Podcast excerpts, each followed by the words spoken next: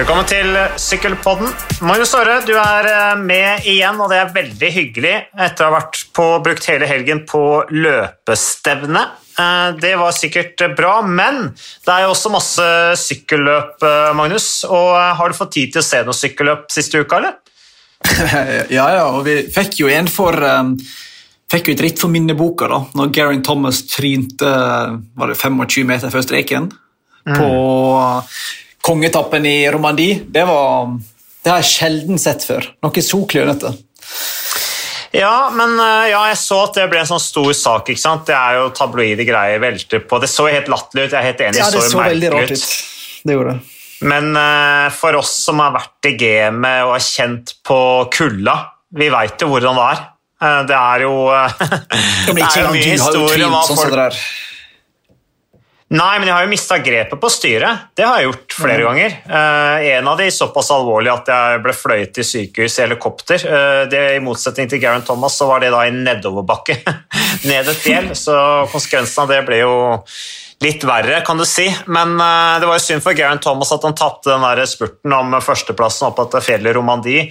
Michael Woods var jo for øvrig i kjempeform. Han, er jo, han flyr om dagen, kjempesprekk. Det er gøy å se at canadieren er i, i slaget. men det der med kulde og hender, det er jo en utfordring. Altså, jeg har jo sykla sykkelløp flere ganger hvor jeg har vært så kald at jeg måtte bruke da venstre hånda til å gire på høyre girspake, fordi at fingrene mine ikke har klart å, å trykke på girutløseren da, på disse girhåndtakerne, eller bremse.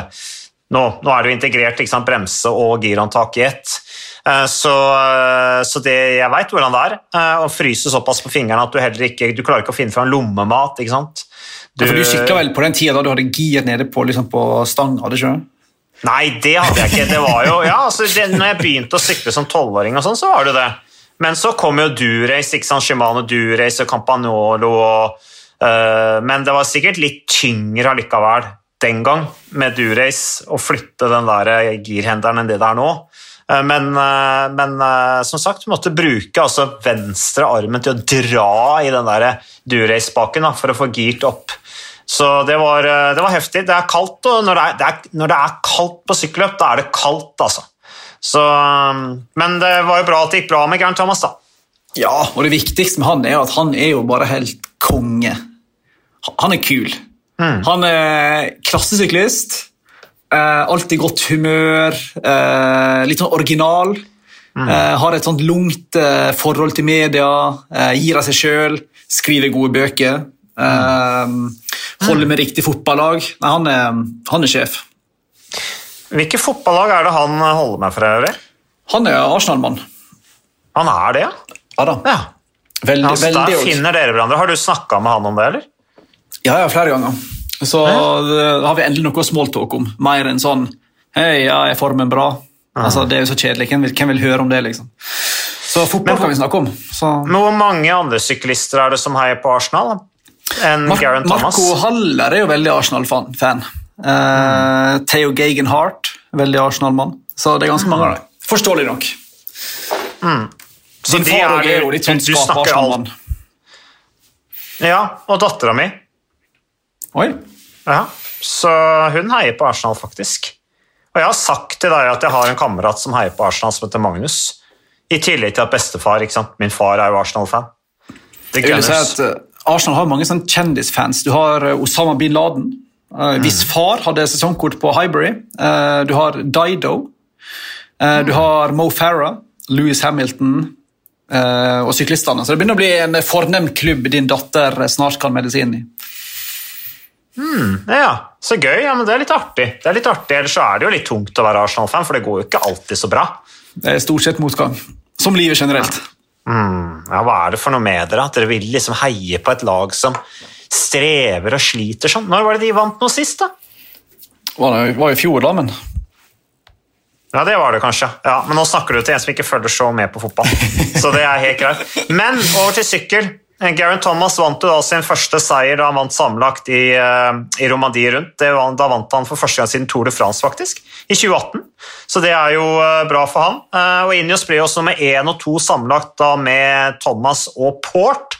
Eh, og det blir jo da, minner jo litt sånn som om det var i, i Catalonia rundt, hvor de jo faktisk eh, tok alle de tre øverste plassene i sammendraget, dominerte noe voldsomt. Men kommer den dominansen av at det er noe som mangler ikke sant, på startlista?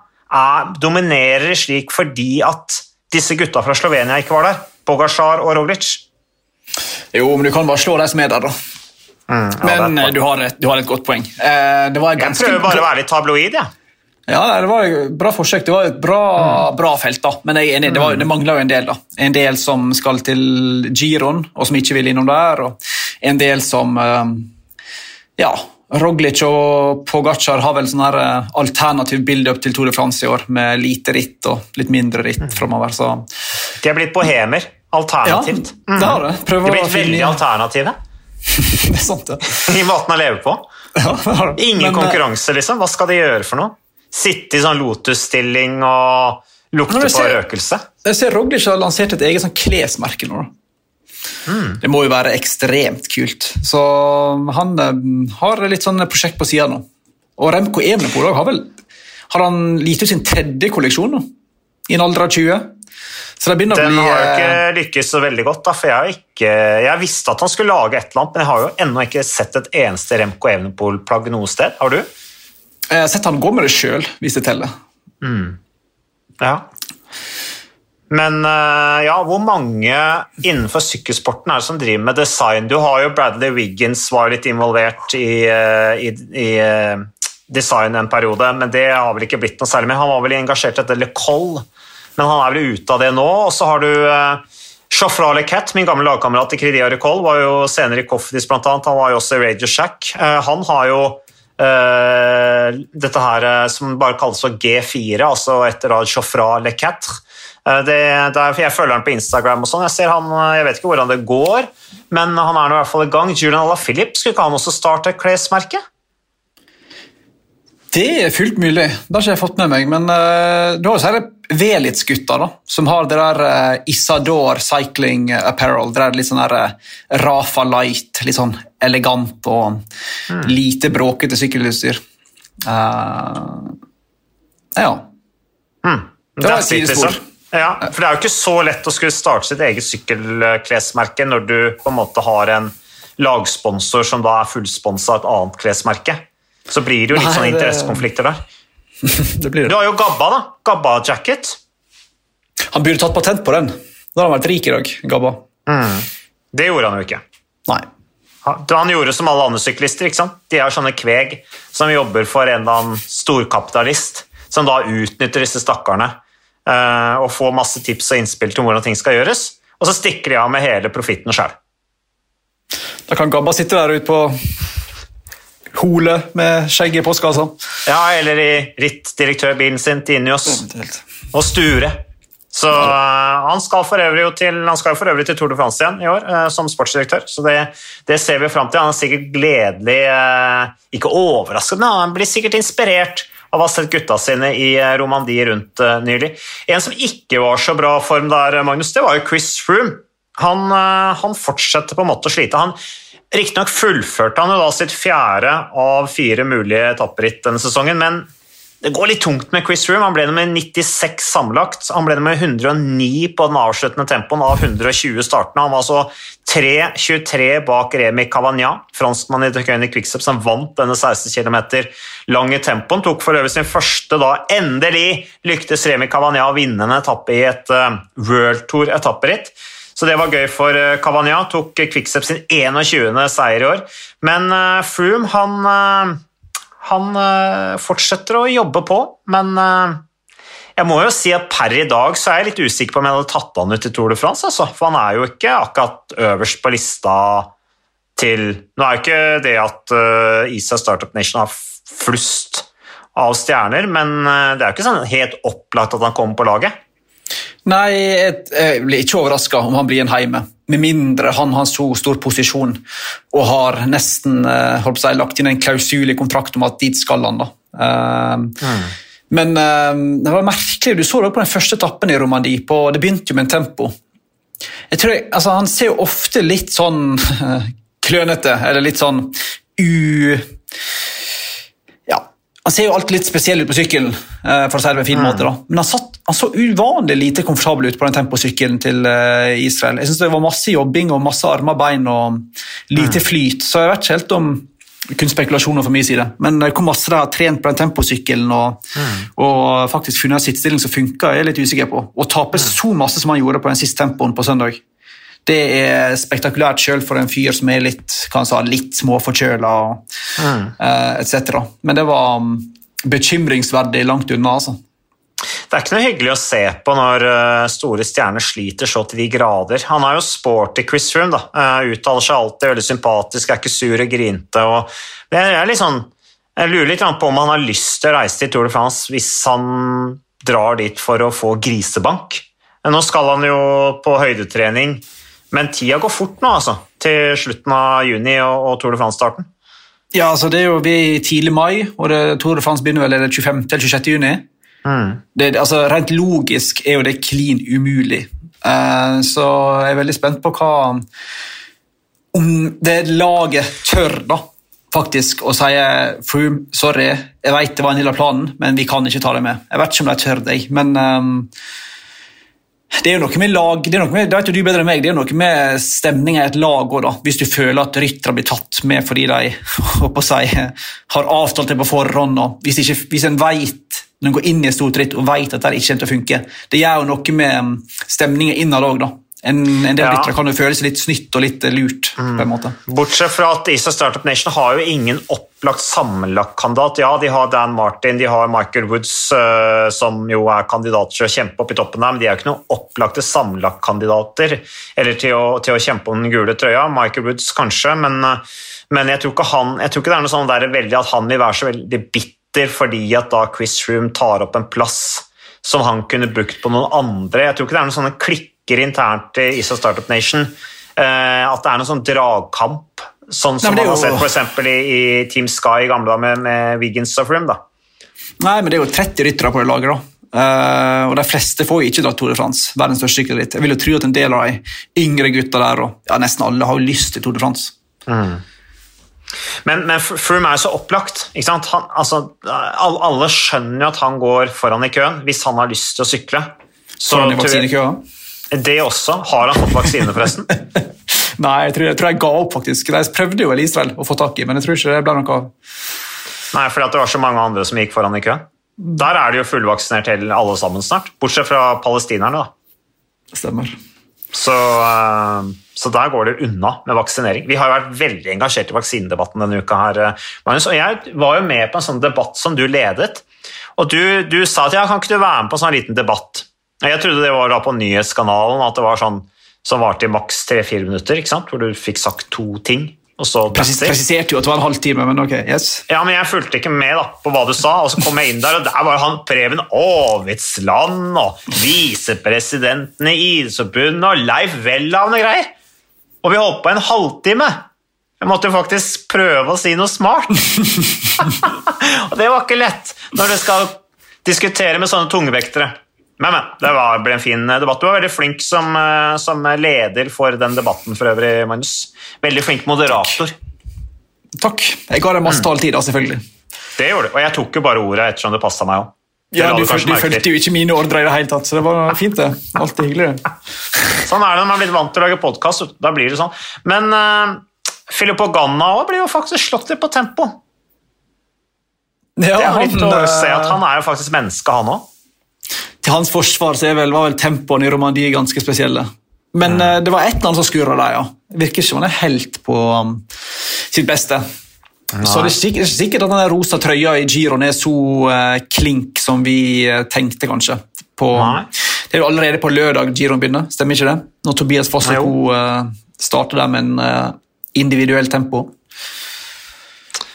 Det blir spennende, det, altså, med, med Giro og årets første treukersritt. Så Men uh, Rowan Dennis vant jo første, den første prologen der, og Remi Cavagna vant den, eh, vant den siste tempoetappen. Um, så, uh, så sånn er det. Um, Filippo Ganna det er som du sier, det var en spesiell tempo, fordi både Dennis og Ganna havna jo langt ned på, på lista der. Men, eh, men det skal bli spennende å se på, på giroen når den drar i gang i, i, i helgen. og Det har vi jo egentlig snakka litt om. Magnus. Vi har snakka om Tobias Foss og at eh, vi tror at det kan være muligheter for han der. Uh, I og med at Jumbo Visma ser ut til at de stiller med et lag som i hvert fall det kan være muligheter da, for å kjøre litt for seg selv innimellom. Så du har ikke snakka med Tobias Foss, du? Nei, jeg har ikke. Bare meldt så vidt med han her da hans sambygding um, Brusveen så leit døde for ikke lenge siden. Mm. Uh, og det er sant, Formen var fin nå. Uh, han var i rute. Så vi får um, håpe at alt står bra til etter den der litt uh, mildt sagt amputerte giroen i fjor, der de dro hjem tidlig pga. korona. Så, men det blir spennende med Dylan Grønnevegen og co. og Tobias Foss på Jumbo Visma der. Eh, ellers jeg nevnte det Kønne Quickstep som eh, da tok seg med Revi Cavagna, altså deres 21. seier i 2021. Det går liksom veien for det Kønne Quickstep. De, jo, eh, de fikk jo også eh, Fausto Masnada på eh, tredjeplass, unge italieneren der, imponerte. Eh, de dukker alltid altså Masnada er jo ikke noe sjokk at han gjør det bra, men det er bare så typisk at de kommer opp etter hvert, disse her rytterne til The Kenny Quickstep, én etter én. Uh, Kasper Askren har jo også nylig forlenget avtalen med The Cunning Quickstep for tre nye år. Uh, rakk jo å vinne Flandern rundt før han signerte kontrakten. Det var jo bra timing av Askren. Tjente sikkert noen kroner på det. Um, og eh, så kan jeg tenke, Når vi først er inne på Romandi rundt Magnus, for å ta litt sånn historietimen i Sykkelpodden Vi er blitt veldig opptatt av det historiske perspektivet i Sykkelpodden. Og Jostein Wilman han har jo faktisk vunnet Romandi rundt i 1982. Uh, og Hva er det du husker med den utgaven spes spesielt godt, Magnus? Ho-ho-ho, lenge før min tid, dessverre. Hvor gammel var du i 1982, forresten? Da var jeg vel T minus sju år. var jeg vel da. Ja, Men vi har sett masse spent. bilder, og jeg har jo snakka med Jostein back in the day om akkurat den der um, Romandie-utgava i, um, i 82. da. Uh, mm. Det var vel kan jeg ta feil, men Var ikke en svenske der på andreplass? En ikke helt ukjent uh, Tommy, Tommy Prim? var det det? Jo, det stemmer det. Tommy Prim ble nummer eh, to, og han hadde lagkameraten sin eh, Silvana, Silvano Contini, eh, som også sykler for Bianchi, på tredjeplass. De var jo 1.03 var Tommy Prim bak norske Jostein Wilman. Eh, og så hadde vi Bernard Hinault på en fjerdeplass, faktisk. Eh, Michel Laurent, som eh, var min sportsdirektør i Credier Coll, han ble med seks sammenlagt. Robert Miller, som jo nå ikke er Robert Miller lenger. Hva er det han kaller seg igjen? Philippa York, York, Philippa York som at hans har rett og slett bytta kjønn. Robert Miller var nummer syv. Pascal Simon ble nummer åtte, var et kjent navn. Simon familien. Også Jopp Sotmelk kan vi nevne, ble det med elleve samla. Så det var litt av et selskap som Jostein Wilman vant foran eh, den gangen i 1982. Det er stort, altså. Nordmann har vunnet Romandie rundt. Enorm rytter, Jostein Wilman. da. Han burde noen mm. skrive en bok om snart. Ja, kanskje du skal gjøre det? Ja, tenk på det. Vi får, vi får se, da. Ta, se, se hva tida strekker til. Ja, Da har du noe å drive med på, på fritida, når du ikke leser bøker om Catalonia rundt. Eller klapp, klappe katten din Eimar. Den har dessverre gått av med døden for noen år siden. Altså. Å ja? Hvor gammel ble den egentlig? Too soon, forresten. Uh, nei, det gikk ut av tellinga på, dessverre. Mm, sånn er det. sånn er det. Så går det når du flytter hjemmefra. Du mister litt kontakten med kattene. Mm, det er litt trist, da. Du mister ja, på en måte litt sånn kontakt med der du kommer fra. Du kommer til det urbane Oslo, og så er det liksom ikke kult nok, det som skjer i Eid. sånn er det. Sånn er livet. Sånn er livet. Men uh, Tom Pidcock vant uh, overlegen sin første verdenscup i terrengsykling i Laukerbad i Sveits i, uh, i, går, søndag den 2. mai. vant med over tre minutter, faktisk. Så Dermed så tok han jo da Team Inyo sin første verdenscupseier i terrengsykling. Det er jo noe å feire. Tror du, tror du Dave Balesford tok en liten champis-skål for det, eller? Ja, det tror jeg. Uh, mm. Sånn Moët Chandon der. Uh, men jeg fulgte egentlig mest med på uh, det norske Vi hadde jo et norsk landslag faktisk, som er ute og reiser. Mm. Erik Hegstad ble nummer 21, og så var vel um, Hadde ikke vi òg en, en, oppe på um, 23.-plass? Mats Tubås Glende. Jo, vi har, vi har iallfall nordmenn mm. ute i verden da, som konkurrerer. Så det hadde vært kult hvis vi fikk noen nordmenn opp igjen i teten der. altså. Uh, litt, det blir lenge siden Gunn-Rita Dale herja, så vi trenger en Hegstad eller en Fagerhaug eller Kenneth Sluere som kan hevde seg igjen. Fagerhaug er jo i gang igjen, se nå. Han har jo slitt veldig med, med, med kyssersjuka og, og brukt lang har kommet, brukt lang tid på å komme seg etter det. Så uh, Det ser ut som han er i gang igjen. Han, mista jo kontrakten med, med Phoenix Alpezin. Uh, sånn, sånn, er det dessverre, men han har i hvert fall ikke gitt seg. Vi hadde jo en hyggelig podkast med Fagerhaug i fjor i forbindelse med VM i terrengsykling, som vi jo viste på TV 2. Uh, eh, og vi skal vel vise noen Jeg tror vi skal vise VM i år også, så vi må jo være litt på terrengsykling, tenker jeg fremover. Ellers eh, så jeg Tadje Pogasjara, det snakka vi om at han skal sykle Snakka vi ikke om det? At han skal sykle Slovenia rundt 9.-13. juni. Uh, Roglic skal ikke sykle noen ting, i hvert fall ikke foreløpig. Men Tolo Rwanda, det har vi ikke snakket om, eh, Magnus. Har du fulgt med noe på det, eller? Eh, vanskelig å finne lovlige, lovlige TV-signal til det rittet. Så det blir jo mest ja. bare å skumme resultatlistene fra et ritt som absolutt burde gått på TV. Da. Det ser ganske kult ut. Mm. så det har vel ikke vært opp til den der eh, berømte veggen ennå, har det? Wall of Kigali. Ja, det er jo alltid hvor, årets sykkelbilde. På med, eller på sykkel med Dagotto. Var opp der med Staysman. Ja, stemmer. Fantastisk bra program. Staysman i Kigali opp en sykkel. Ja, ja, ja. det helt rått. Vold og Kigali er jo ikke bare at det er bratt, eh, og det går liksom rett fram, så du kan se hele bakken når du står på toppen. Eh, og det er jo tusenvis av, av engasjerte mennesker som omkranser den bakken der med rytterne. ikke sant? Det er jo skikkelig Tour de France-stemning, men det er jo brostein også. Ja, ja, det er helt klin kokos hele, hele driten, egentlig. Så, men jeg ser at veldig mye av etappene der går i Kigali. Altså Du har Kigali Ervamangana, og så har du Kigali Huyi, eh, og så har du Kigali Mosanse, eh, og så har du Nygatare Kigali. Nå nevner jeg etappen også. Kigali Mont Kigali. Mont Kigali det er noe annet enn ikke sant? Det er ikke Wall of Kigali, det. Nei, hvis jeg kaller det et fjell, blir jeg jo blir litt skuffa. Ikke sant? Det er sikkert knallhardt, det også. Og så har du Kigali KV Mutve, og så har du Kigali Kigali, som er åttende etappe. Det er langt etapperitt, det der. Jeg ser forresten at uh, det er jo BNB Hotels som uh, vant uh, etappen som gikk i går, andre etappe fra Kigali til Huye, 120 km. Uh, Alain Jeg liker uttalelsen på det der. Huye! Ja, ja, altså Det er Huye. Altså, det er jo eh, Rwanda. Jeg vet ikke hvor mye de er preget av flamsk eller sånn Nei, jeg vet ikke. belgisk kolonisme, sånn som de var i Kongo, men uh, kunne jo kalt det hui, da, for å liksom få litt sykkelklang over det. Men jeg, tror, tror jeg, ser jo bl.a. Pierre Ola kjører der. Han var langt etter i går, kjørte med hjelperytter, tenker jeg, Pierre Ola, men det er jo litt sånn Jeg vet ikke hvordan jeg skal tolke det at Pierre Ola er i, i Rwanda. Man liksom har kommet til til på en måte den fasen av karrieren nå hvor han tenker nå vil jeg bare leve livet og eventyr og oppleve litt nye ting og lei av liksom faste sykkelprogrammer med Romandie rundt og alt det slitet der. At han vil liksom oppleve noe nytt. Hva tenker du? Ja, det ser du hele tida, da.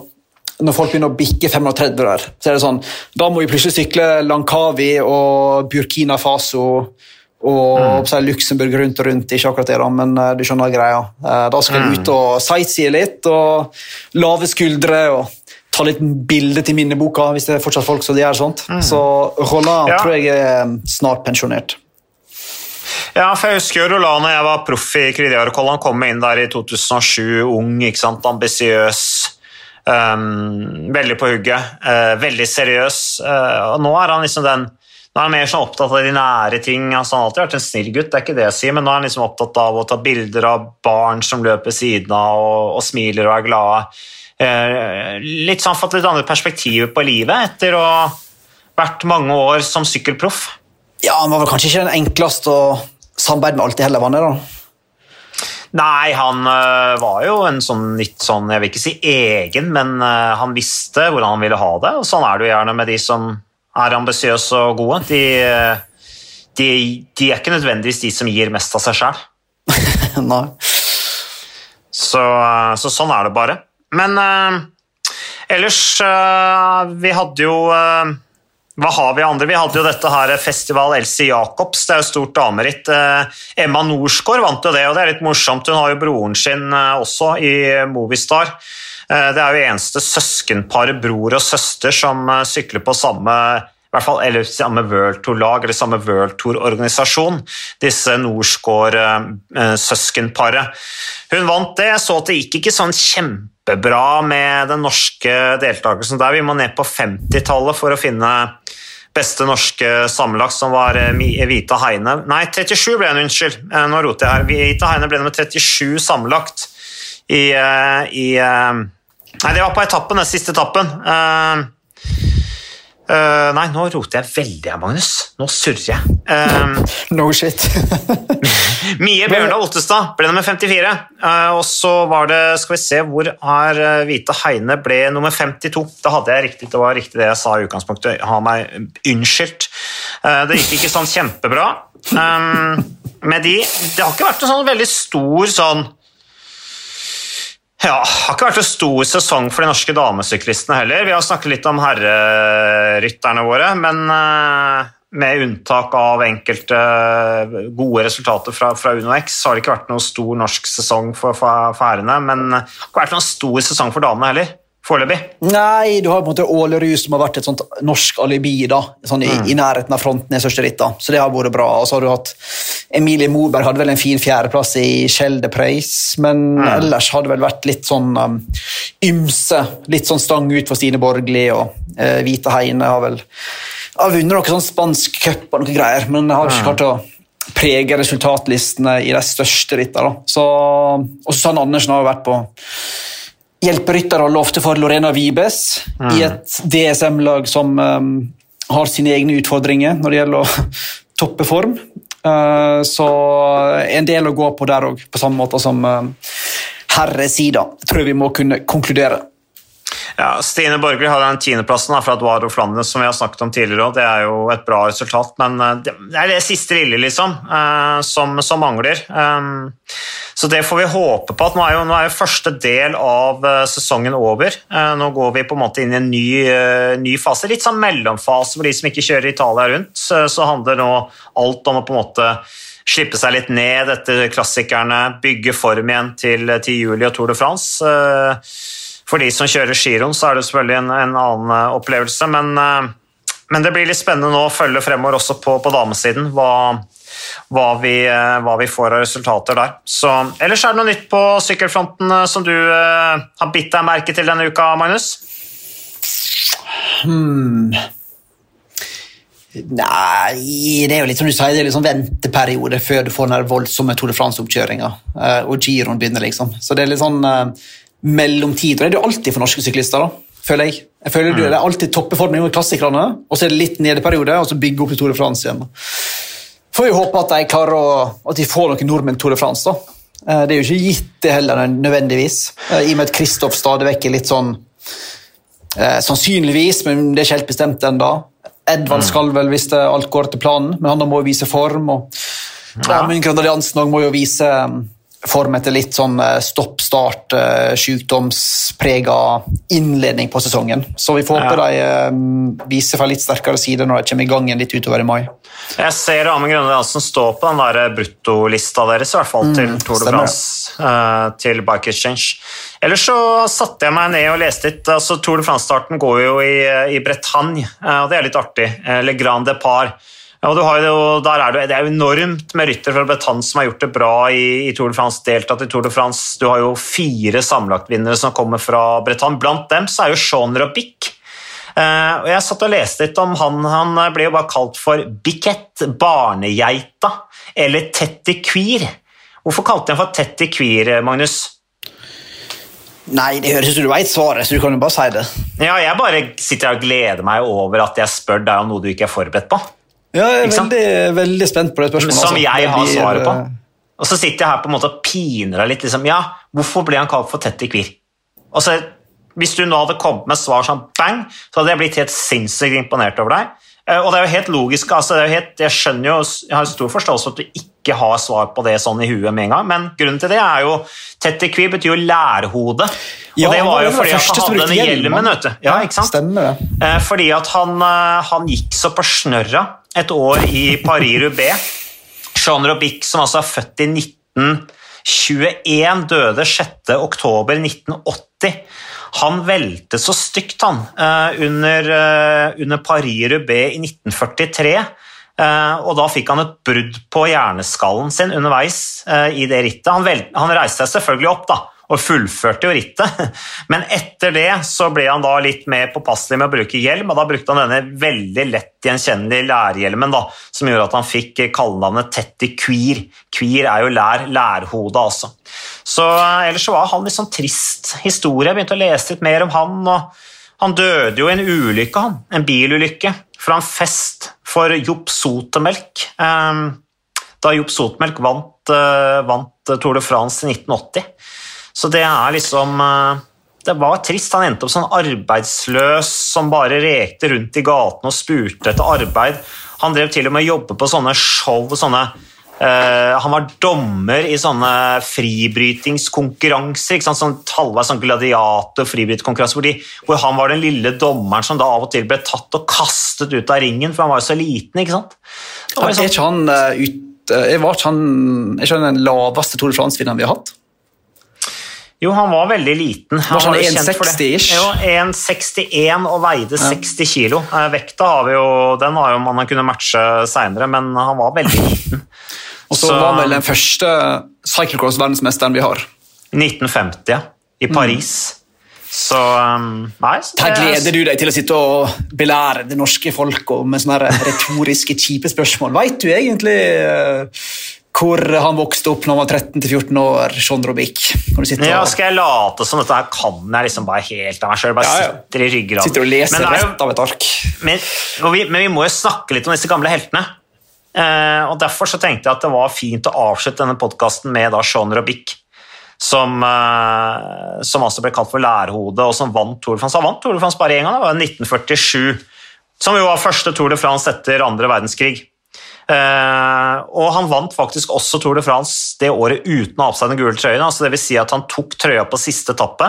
Og det har vært mye snakk om dette her, liksom, ja, hvorfor er det ikke sånn at de konkurrerer på siste etappe, og hvor lenge har det egentlig vært sånn? Og også den gangen, altså helt tilbake i 1947, så var det faktisk en uskreven regel om at den gule trøya ikke skulle utfordres, men Sean Robic han angrep halvveis på etappen, Eh, Og den italienske rittlederen, han som hadde gule trøya, Pierre Brambilla faktisk, gikk med han, men sprakk og tapte den gule trøya da inn til Paris.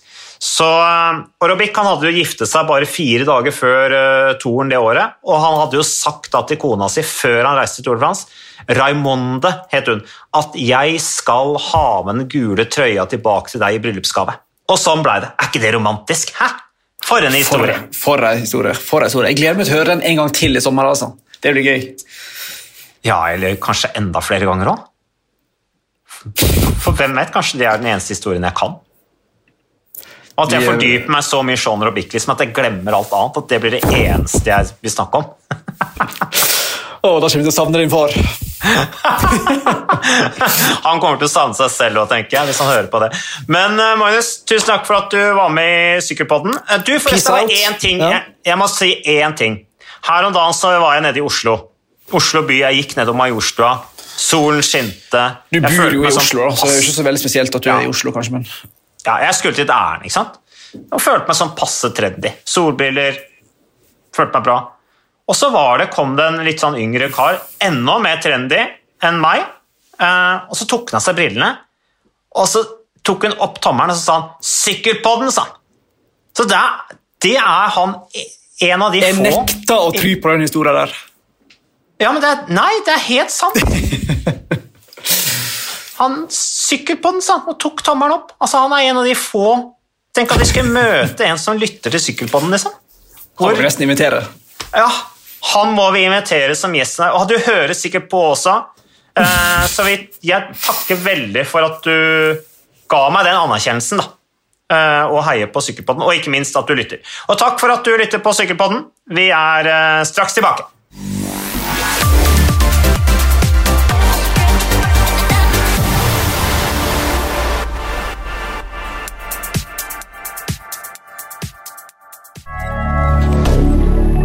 moderne media.